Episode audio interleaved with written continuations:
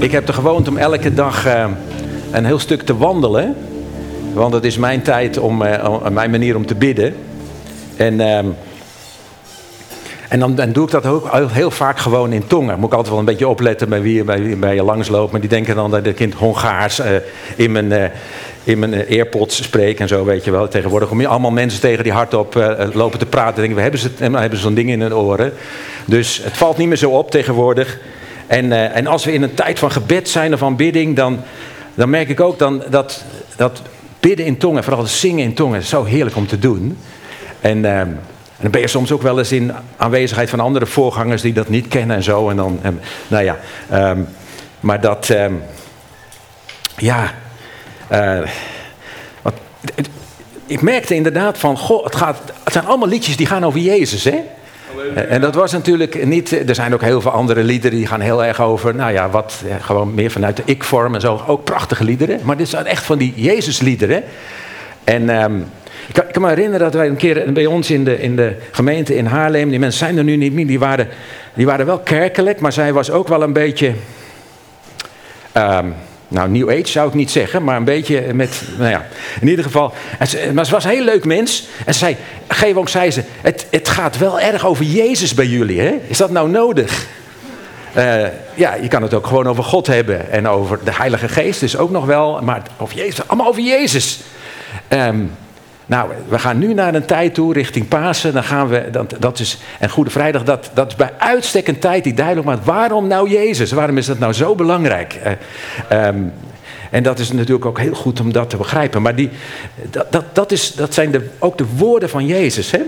En ik wil jullie meenemen naar een. Um, naar een uh, uh, iets in het leven van Jezus waarin hij sprak in een gelijkenis.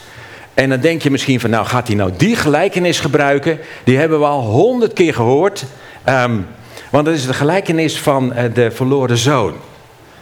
Ja, um, en, want ik heb daarin um, vrij recentelijk eigenlijk een, nieuwe ontdekking gedaan. Ik heb het laatst ook even met, met jou over gehad, Magiel. En dat heeft me zo aangeraakt, heeft me zo aangesproken. Wat ik eigenlijk nooit zo door had. Ik ga het niet het hele verhaal met jullie lezen, want jullie kennen dat natuurlijk. Uh, ik heb als, als goed is zien jullie op een plaatje ergens. Uh, de, de, eerste, ja, dat is uh, een plaatje uit dat filmpje van de zandkunstenaar. Kun je gewoon op, de, op, op YouTube vinden. En dan met, met dat zand maakt hij dan duidelijk dat, dat, dat verhaal van de verloren zoon. En we kennen dat natuurlijk, hè? maar wat, wat wilde Jezus nou duidelijk maken met dat verhaal van de verloren zoon? Jullie mogen reageren, hè? Zijn jullie een reagerende gemeente en zo? Ja, als ik halleluja zeg, wat zeggen jullie dan? Halleluja. Oké, nee, dat gaat goed. Dus, dus wat, wilde Jezus nou, roepen ze een, een, woord, wat wilde Jezus nou duidelijk maken aan zijn luisteraars door dat verhaal uh, van de verloren zoon?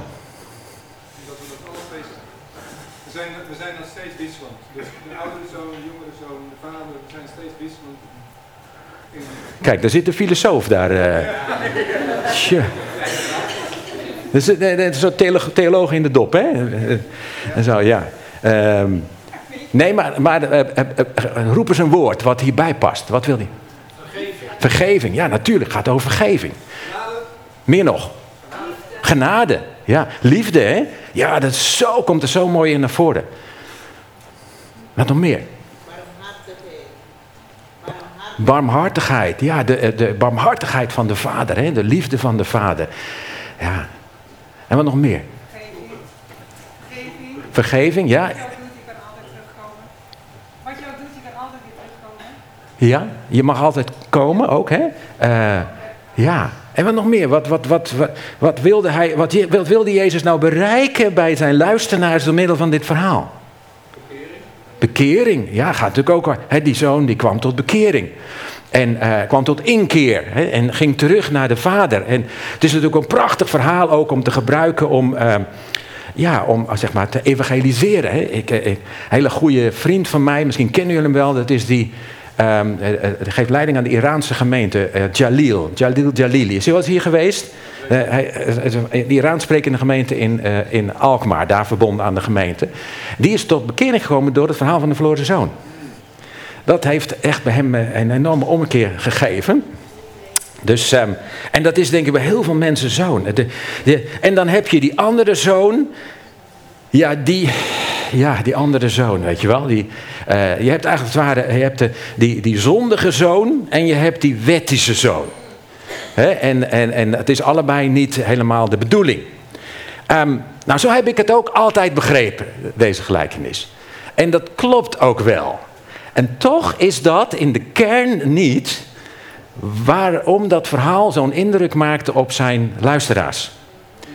En dat wil ik aan jullie duidelijk maken. Um, kijk, Jezus vertelde niet alleen uh, dat van de verloren zoon. Hè, dat was een drieluik. De verloren, het verloren schaap, het verloren geldstuk en de verloren zoon. En al die drie gelijkenissen, uh, Jezus had het ook altijd over het koninkrijk van God, maar die gelijkenissen gingen over iets wat kwijt was, wat heel waardevol was. Dat schaap is waardevol, Munt was natuurlijk helemaal, dat was waarschijnlijk een gouden munt, weet je wel. Alles was in toen munt en dan was die zo. Dus het was iets wat heel waardevol was kwijt. En als het kwijt is, dan, dan kun je er niks mee doen. Dan, datgene waarvoor het bedoeld is, een geldstuk, is bedoeld om iets mee te doen, dat kun je er niet meer mee doen. Dus eh, het, het gaat eigenlijk over een, een verlies van waarde. Iets wat heel waardevol is, is kwijt. En, ehm, en, en dat is eigenlijk de, de kern van, dat wil ik aan jullie duidelijk maken, de kern van wat Jezus bedoelt is niet zozeer dat iemand er een puinhoop van maakt en tot bekering moet komen en dat dan de, eh, de vader zo genadig is dat je weer terug mag komen hè, en er weer bij mag horen zit er ook in, dat is ook zo, maar dat is eigenlijk niet de kern. En het is toch wel belangrijk om dat te zien. Um, Jezus had het voortdurend over het koninkrijk van God. Hij wilde dat mensen klaar waren voor het koninkrijk van God. Want hij zegt, het is heel dichtbij. Um, en hij wilde dat, dat de, de, de mensen van zijn tijd, ook de Joodse gelovigen, de meeste mensen waren gelovigen in die tijd, dat zij zouden beseffen wat het koninkrijk van God was en dat ze daar deel aan zouden hebben. En dat was in veel gevallen niet zo. Hij zegt voortdurend, zoek eerst het koninkrijk van God. Leef voor dat koninkrijk. Mijn koninkrijk. Um, en als we niet dat leven leven wat God bedoelt, dan, dan, leven we niet in onze bestemming. En dan zijn we eigenlijk kwijt voor God. En in die zin was dat eigenlijk zo voor beide zoons. Dus het gaat in dat verhaal. Jullie zijn die dier weer kwijt, hè? Die eh, mag je nog wel even laten zien. En in feite gaat het. Dat is die andere. Ja, nee, dat mag je inderdaad. Het, is goed, volgende dier. In feite gaat het over twee verloren zoons.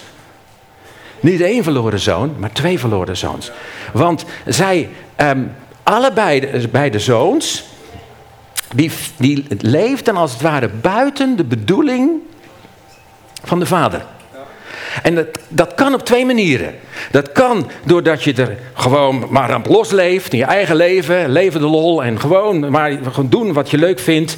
Maar het kan ook zijn door heel netjes binnen de grenzen te blijven, het heel netjes te doen, uh, ook uh, uh, bij het geloof te blijven zelfs. Um, maar je bent toch een verloren zoon. Dat kan. Dat kan. En, uh, en dat, dus er zijn eigenlijk twee ver, verloren zoons.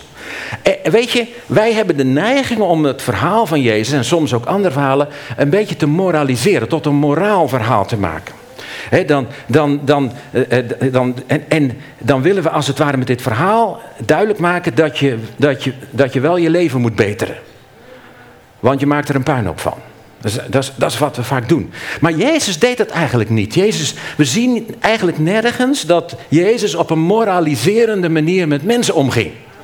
Dat zou die oudere zoon wel doen. Uh, maar dat deed, Jezus deed het niet. Uh, en een heel mooi voorbeeld daarvan is dat verhaal van, van Zacchaeus.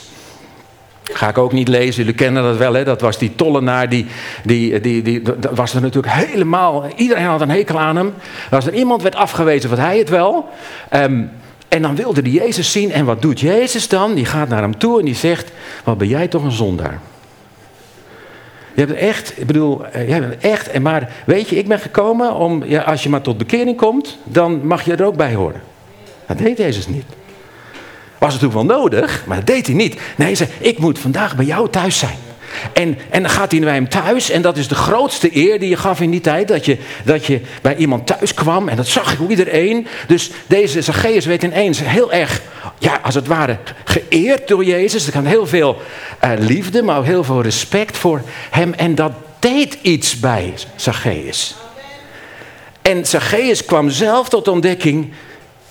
Um, ja, hij kwam niet tot ontdekking, ik ben een zondaar. Maar in de eerste plaats kwam hij tot ontdekking, ik ben heel waardevol voor God. En er is dus hoop voor mij. En dat wil ik niet kwijt. En hij zei, wat moet ik doen om dat niet kwijt te raken? Ik ga alles in orde maken. Wat ik, wat ik te veel heb gevraagd, ga ik teruggeven. Zelfs met rente erbij. Dat hij geld vroeg was niet verkeerd, maar hij was gewoon de belastinginner. Kan je ook niks aan doen. En zo, sommige mensen hebben dat beroep. En, eh, dus dat, maar hij, hij, hij ging alles in orde maken. Dus hij kwam wel degelijk tot besef van zonde. Maar het, het, um, iemand komt niet tot besef van zonde door afwijzing. Ik heb dat ook niet altijd goed begrepen. Dus um, een van mijn zoons, die, die, die, uh, die uh, heeft God losgelaten. Uh, nog, maar dat komt wel weer goed, maar die heeft God losgelaten. En die had op een gegeven moment een hele mooie theorie. Dat als je niet in God gelooft, dan kun je gelukkiger zijn. Want dan hoef je je niet bezig te houden met eeuwig leven, maar dan kun je nu gelukkig leven. Nou, er zaten anderen bij die ook niet gelovig waren. Die hadden zoiets van, hè? Nou, hadden we discussie. En toen zei ik ergens tussendoor, gebruik ik het woord verloren zoon. Bedoelde het niet verkeerd, maar dat viel helemaal verkeerd, hè? bij mijn, uh, mijn zoon. Dus ik eigenlijk ben jij een verloren zoon.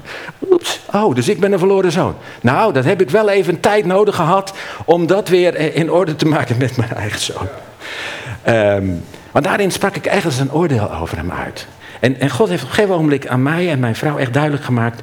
Um, want we hadden natuurlijk heel veel moeite mee. Als je, als je een van je kinderen de Heer niet volgt, geef ze onvoorwaardelijke liefde. Wees voor ze.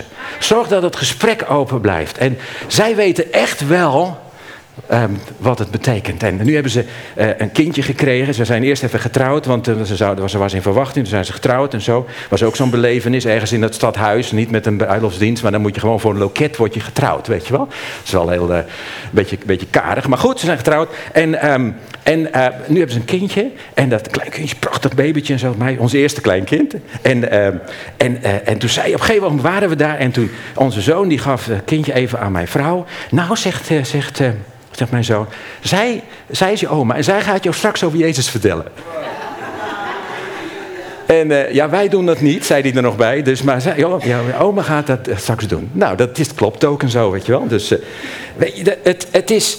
Um, maar wat je nou ziet in dat verhaal van de verloren zoon, daar had ik altijd overheen gelezen, want ik dacht dat is niet zo belangrijk. Maar in dat verhaal, en dat is het enige gedeelte wat ik met jullie wil lezen, dan die zoon die had zich voorgenomen om te zeggen tegen de vader, ik heb het helemaal verknald. En ik ben niet meer waard om je zoon te zijn. Dus een gevoel van onwaardigheid. En maak me maar uw knecht. En dan, uh, dan heb ik in ieder geval te eten. Dat, zo, weet je wel. Uh, en, en hij kwam bij de vader en hij begint dat verhaal te vertellen, maar de vader onderbreekt hem onmiddellijk en dan wil hij feest vieren. Moet je maar eens lezen. Dat ja, je hebt hem al. De vader, vader zei de zoon, wat ik gedaan heb was tegen de wil van de hemel en tegen de uwe. Ik verdien het niet nog langer uw zoon genoemd te worden. Dan had hij nog wat andere dingen die hij ook wilde zeggen. Maar zijn vader zei tegen zijn knechten: Vlug, haal het beste gewaad, trek het hem aan. Steek een ring aan zijn vinger, doe hem schoenen aan. Haal het meskaf uit de stal, slacht het. We gaan eten en feest vieren, want mijn zoon is hier. Hij was dood, maar hij leeft weer. Ik was hem kwijt, maar hij is terug. En, en weet je, de, de, de, de mensen die naar Jezus luisterden, die kenden de Bijbel. Hun Bijbel was het Oude Testament. Die kenden ze. Wij kennen dat niet meer zo goed. Uh, dat, dat um, zeker niet dat Oude Testament, maar zij kennen het Oude Testament van voor naar achteren. En zij begrepen onmiddellijk wat Jezus hier zei. Want um, een, uh, als je het had over schoenen, schoenen waren in die tijd een beeld van vrijheid. Alleen vrije mensen hadden schoenen aan en slaven en knechten liepen op blote voeten. Dus als je schoenen aandeed, dan was je vrij. Dus de vader zei eigenlijk tegen de zoon: Jij was een vrij mens toen je ging. Je bent nog steeds vrij. Je bent vrij om te gaan en staan waar je wil. Je bent niet je vrijheid kwijt. Wauw, dat is wat. Heel vaak is dat wel het geval. Hè? Van, oh, als je gezondig voelt, ik heb zo, ben zo zondig, ik, ik doe het helemaal verkeerd. En dan, en dan leef je toch onder van, ik moet het toch anders doen. En ik moet meer dit en ik moet meer dat. Ehm, maar de vader zei onmiddellijk, je bent vrij, gaf hem schoenen. En dan geeft hij hem een gewaad, een feestgewaad. Dat was in die tijd ook gebruikelijk. Je had gewone kleding, um, maar je had ook feestkleding voor, voor feesten. En dat was een mooie kleding, had je alleen aan bij speciale gelegenheden. En eh, nou, die zoon had dat niet meer. Ik neem aan dat de vader dan niet de kleding van de broer geeft. Dat kan je natuurlijk niet maken. Dus hij gaf hem waarschijnlijk kleding van zichzelf. Feestkleding. Dat was in die tijd een, een, een teken van waardigheid. Van, van eerbetoon, van waardigheid. Hij, de, de zoon ging niet oh, in zijn kloffief, zijn vieze spulletjes naar het feest. Nee, in een feestgewaad. En, en dat is ook heel belangrijk, dan geeft de vader hem een ring. Nou, een ring in die tijd was een beeld van autoriteit. Dat is niet een trouwring en zo, een beeld van trouw, maar een beeld, een ring van de vader was, was een ring van um, autoriteit, van gezag. Waarmee je bijvoorbeeld ook beslissingen kon maken. En de Joodse toehoorders moesten meteen denken aan voorbeelden uit het Oude Testament. Als, als jullie het Oude Testament heel goed zouden kennen, zou je er ook onmiddellijk aan denken. Uh, want waar moesten ze onder andere denken? Bijvoorbeeld het verhaal van Jozef, die dan uit de gevangenis komt en dan wordt hij onderkoning van de farao. In dat grote wereldrijk. En moet je maar eens lezen wat er dan staat in, uh, in, uh, in Genesis 41. Dat is de volgende dia. Dan staat daar: De farao deed zijn zegelring af en schoof hem aan de vinger van Jozef. Dus dat was het beeld van Hij gaf hem Joods. Hij liet hem een linnen gewaad aandoen. Dus een speciaal gewaad. En een gouden ketting om zijn hals. En vervolgens liet hij Jozef rondrijden in zijn op één na mooiste wagen. De mooiste wagen was natuurlijk voor de vader, maar de ene mooiste. En daarbij moest iedereen voor hem luid, eh, voor hem uitlopen en roepen, buig u neer. Zo gaf hij hem de leiding over heel Egypte. Dus wat hier gebeurde, was was heel bijzonder. Dat, en dat, toen begreep ik ook ineens waarom die oudere broer zo boos was. Snap je dat? Dat was niet omdat de vader zo vergevingsgezind was. Van nou, je mag er weer bij horen. Ehm, nee, omdat hij die, die, die zoon ineens een eerbetoon gaf. En een, en een gezag gaf. Dat geef je toch niet aan iemand die zo'n zootje heeft gemaakt van zijn leven? Doe je toch niet? En, en, en misschien dat die oudste zoon dan ook wel. En, en ik dan? Ik ben altijd netjes thuis gebleven. Waar is mijn ring? En waar is mijn feest? Waarom krijg ik niet een feestgewaad van de vader? Wat, wat, gebeurt hier? Snap je dat? En, en, um, en weet je, um, dat, ook Jozef was als het ware zo'n verloren zoon. Um, maar het ging, en dat is ook heel belangrijk om te zien. Het, uh, Jezus geeft dus het beeld van een broedertwist. Nou, dat is een rode draad in het Oude Testament. Dat was natuurlijk bij Jozef ook het geval. Jozef was, had, was eigenlijk al van, vanaf heel jong eigenlijk door, de ja, door Gods geest uh, uitgekozen. Dat greep hij allemaal niet. Maar, maar de broers hadden een hekel aan hem. En die hadden hem verkocht in slavernij. En dan wordt Jozef uitgekozen. En dan wordt hij in de eerste plaats de redder van zijn eigen broers. En dan ook en passant nog even van de hele wereld. Ja? Dat was Jozef. Nou, dat is natuurlijk heel bijzonder, maar dat is een broedertwist. Maar dat gaat over, over het herstel van waarde. Deze, eh, deze Jozef werd hersteld en kreeg onmiddellijk autoriteit. Het, eh, het, was, het hele proces is van waardeloos naar waardevol. Precies hetzelfde gebeurt met Israël.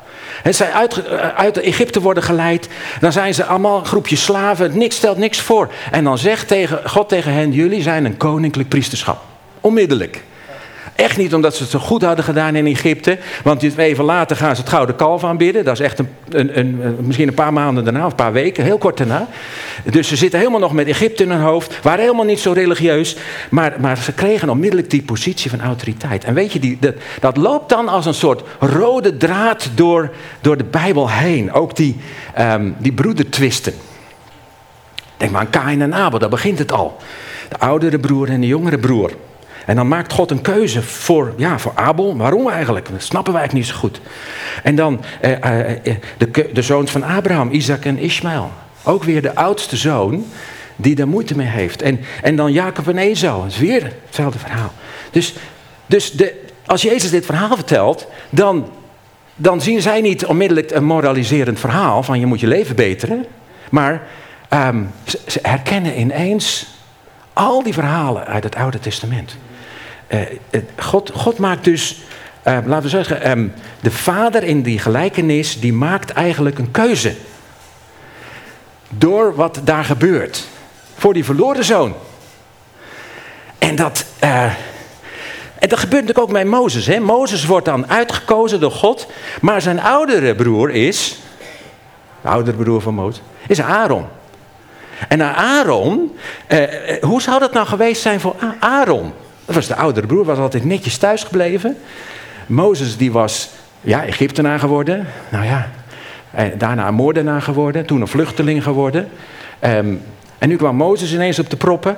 En, en Aaron werd het hulpje van Mozes. Waarom nou Mozes? Het gaat ook helemaal over de keuze die God maakt. Eh, om iemand op een plek te zetten van eer en gezag. Waarvan wij eigenlijk zeggen: waarom nou die? Waarom nou die? En, en um, dus dat hele, dat hele gebeuren van, van, die, van die broedertwisten loopt door de Bijbel heen. En de keuzes die God maakt. Dus de gelijkenis gaat over twee verloren zoons. Eén die was jaren weg geweest en leefde de lol. En de andere zoon was nu opeens de verloren zoon. Want die was boos en afwijzend. En dat zie je in dat plaatje, dat is het volgende plaatje. Nee, even terug naar even. Ja, je loopt mij op mij vooruit. Even één terug nog. Uh, ja, ja, ja, hier. Ja, nee, nee, die, die, die, je net had. Dan, eh, dan zie je, nee, deze, ja. Dan zie je dus, nu, nu is deze zoon niet meer de verloren zoon, maar dat is nu de verloren zoon. En, en, en nu begon eigenlijk er, er, een heel proces bij die tweede zoon. Nou, uh, jullie zijn dat al even verklapt, maar ja, een vraag voor jullie. Hè. Stel je voor, uh, Magiel gaat hier weg en zo, weet je veel wat er gebeurt. Uh, en, en jullie moeten een nieuwe voorganger aanstellen. En dan heb je dus, eh, dan mogen mensen solliciteren en zo. En dan eh, komen er twee sollicitaties binnen. Van die ene zoon en van die andere zoon. Met een cv erbij. Ja, eh, de ene is, um, ja, heeft de erfenis van zijn vader er doorheen gejast. Heeft een beetje zijn eigen leven geleid. Iemand die ja, maar een beetje, een beetje feestend door het leven is gegaan. Uiteindelijk helemaal bankroet is geraakt. Maar hij mocht nu weer terugkomen bij de vader. En de vader die, die, die hem onmiddellijk met alles en zo. Weet je, had hij, hij helemaal niet verdiend en zo. Maar dat is de cv. En die andere zoon die is netjes thuis geweest, verantwoordelijk. Heeft zijn, heeft zijn taak gedaan. Heeft echt. Nou ja, welke zou je dan toch kiezen als een voorganger? Nou denken jullie, nu gaan jullie natuurlijk een keuze maken op basis van wat ik net heb gezegd. Hè? Maar als je nou eerlijk bent, uh, wie zou je dan. Die, die, die, verloren zoon, die ga je dan toch niet kiezen als voorganger? Dat kan toch niet? Dat is een hele slechte cv. Um, en toch, als ik die vraag dan stel. Um, wie zou er kiezen voor die verloren zoon? Ah, jullie durven niet goed, hè? En wie zou er kiezen voor die andere zoon? Ah, oké, dat is heel eerlijk. Uh, dus die andere, jullie maken geen keuze. Nou, dat is een mooie boel. Uh, weet je, ik, ik, zou, ik, moet eerlijk zijn. Um, pas toen ik de gelijkenis begreep, toen dacht ik, ik zou kiezen voor die verloren zoon. Waarom? Die verloren zoon, die heeft iets geleerd. Die heeft zijn lesje geleerd. Een beetje negatief. Maar hij is door de diepte heen gegaan. Hij, hij is nu nederig geworden. Hij is kwetsbaar geworden. Hij is bescheiden geworden. Hij is dienstbaar geworden. Ik wil gewoon dienen. Hoeft niet meer zo belangrijk te zijn. Uh, hij is daardoor ook heel kwetsbaar en heel zacht geworden. Uh, het is iemand geworden die zelfreflectie heeft geleerd. Nou, een heleboel leiders hebben heel weinig zelfreflectie. Hij, hij kon zichzelf relativeren.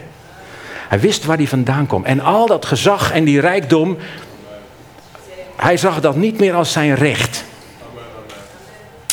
En dat, dat deed mij denken aan de, aan de zaligsprekingen. Dat dacht ik, er is ook een dia bij, geloof ik. Hè? Uh, dat is de volgende, ja. Uh, Jezus heeft het dan over de zaligsprekingen. En dan zegt hij, wie is, wie, is er nou, wie is nou geschikt voor het koninkrijk van God? Nou, zegt Jezus dan, dat zijn degenen die arm zijn, die treurend zijn, die zachtmoedig zijn. Die zijn geschikt. Aan hen, Jezus zegt eigenlijk, aan hen kan ik het koninkrijk van God toevertrouwen. Nou, dat was precies wat bij die verloren zoon was gebeurd. Hij was klaar voor dat koninklijk priesterschap. Ehm, en, net zoals Jozef daar klaar voor was, dwars door, die, door dat hele diepe dal heen. En Mozes was daar ook klaar. Mozes nog niet klaar was, werd hij een moordenaar. Bam! Maar toen hij klaar was, zei hij, ik, wie ben ik?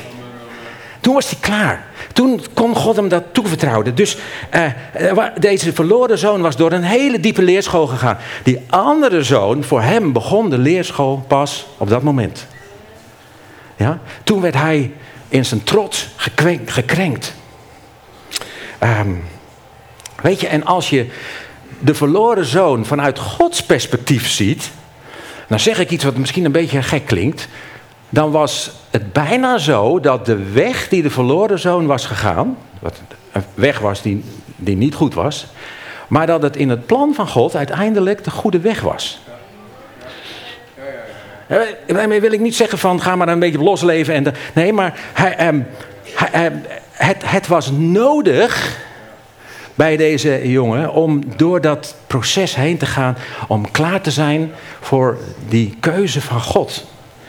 En toen kon hij, ja, eh, ik heb daar een hele mooie dia bij. Dat is ook zo'n dia van, van de, er zijn een heleboel plaatjes gemaakt. Hè?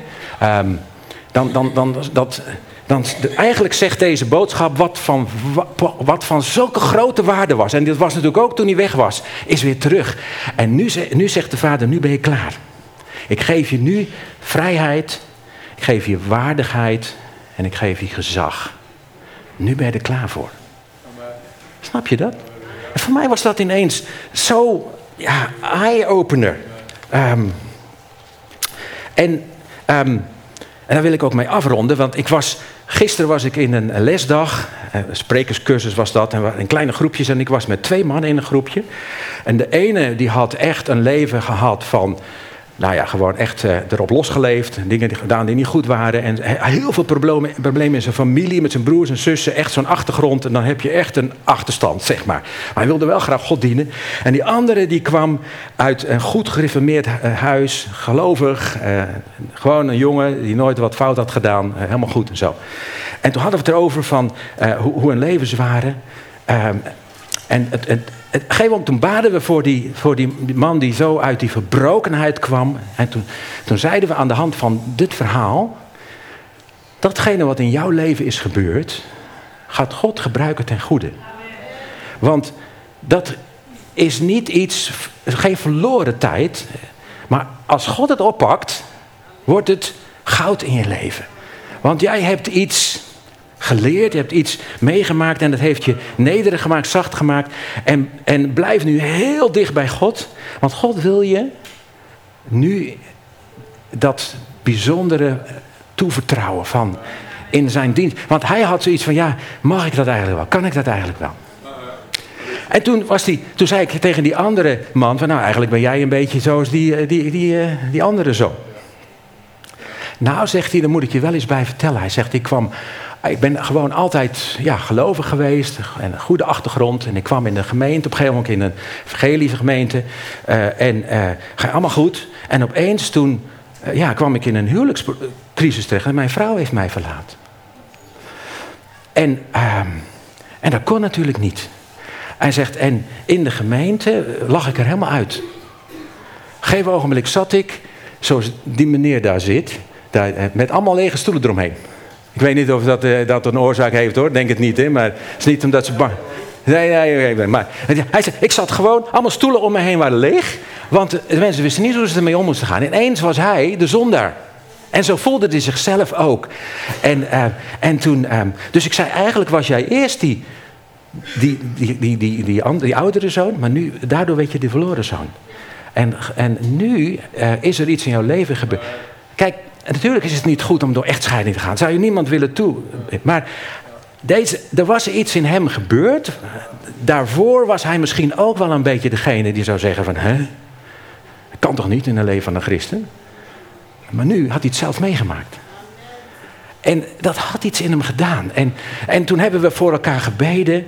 En, um, en toen, toen, toen zeiden we van... God pakt je verleden op... En, eh, en hij, hij, hij brengt je ook in die diepte omdat je dat nodig hebt. Ik, voor mij is dit verhaal ook zo. Ik was thuis, was ik de, de, de oudere zoon. Mijn broer was de verloren zoon. Die is in de punkwereld terechtgekomen. Die is zeven jaar jonger dan ik. Die is in de verslaving terechtgekomen. Die is met de politie terechtgekomen. Half in de gevangenis terechtgekomen. Hij, hij was helemaal... En ik ben altijd netjes. Ik deed geen vlieg kwaad.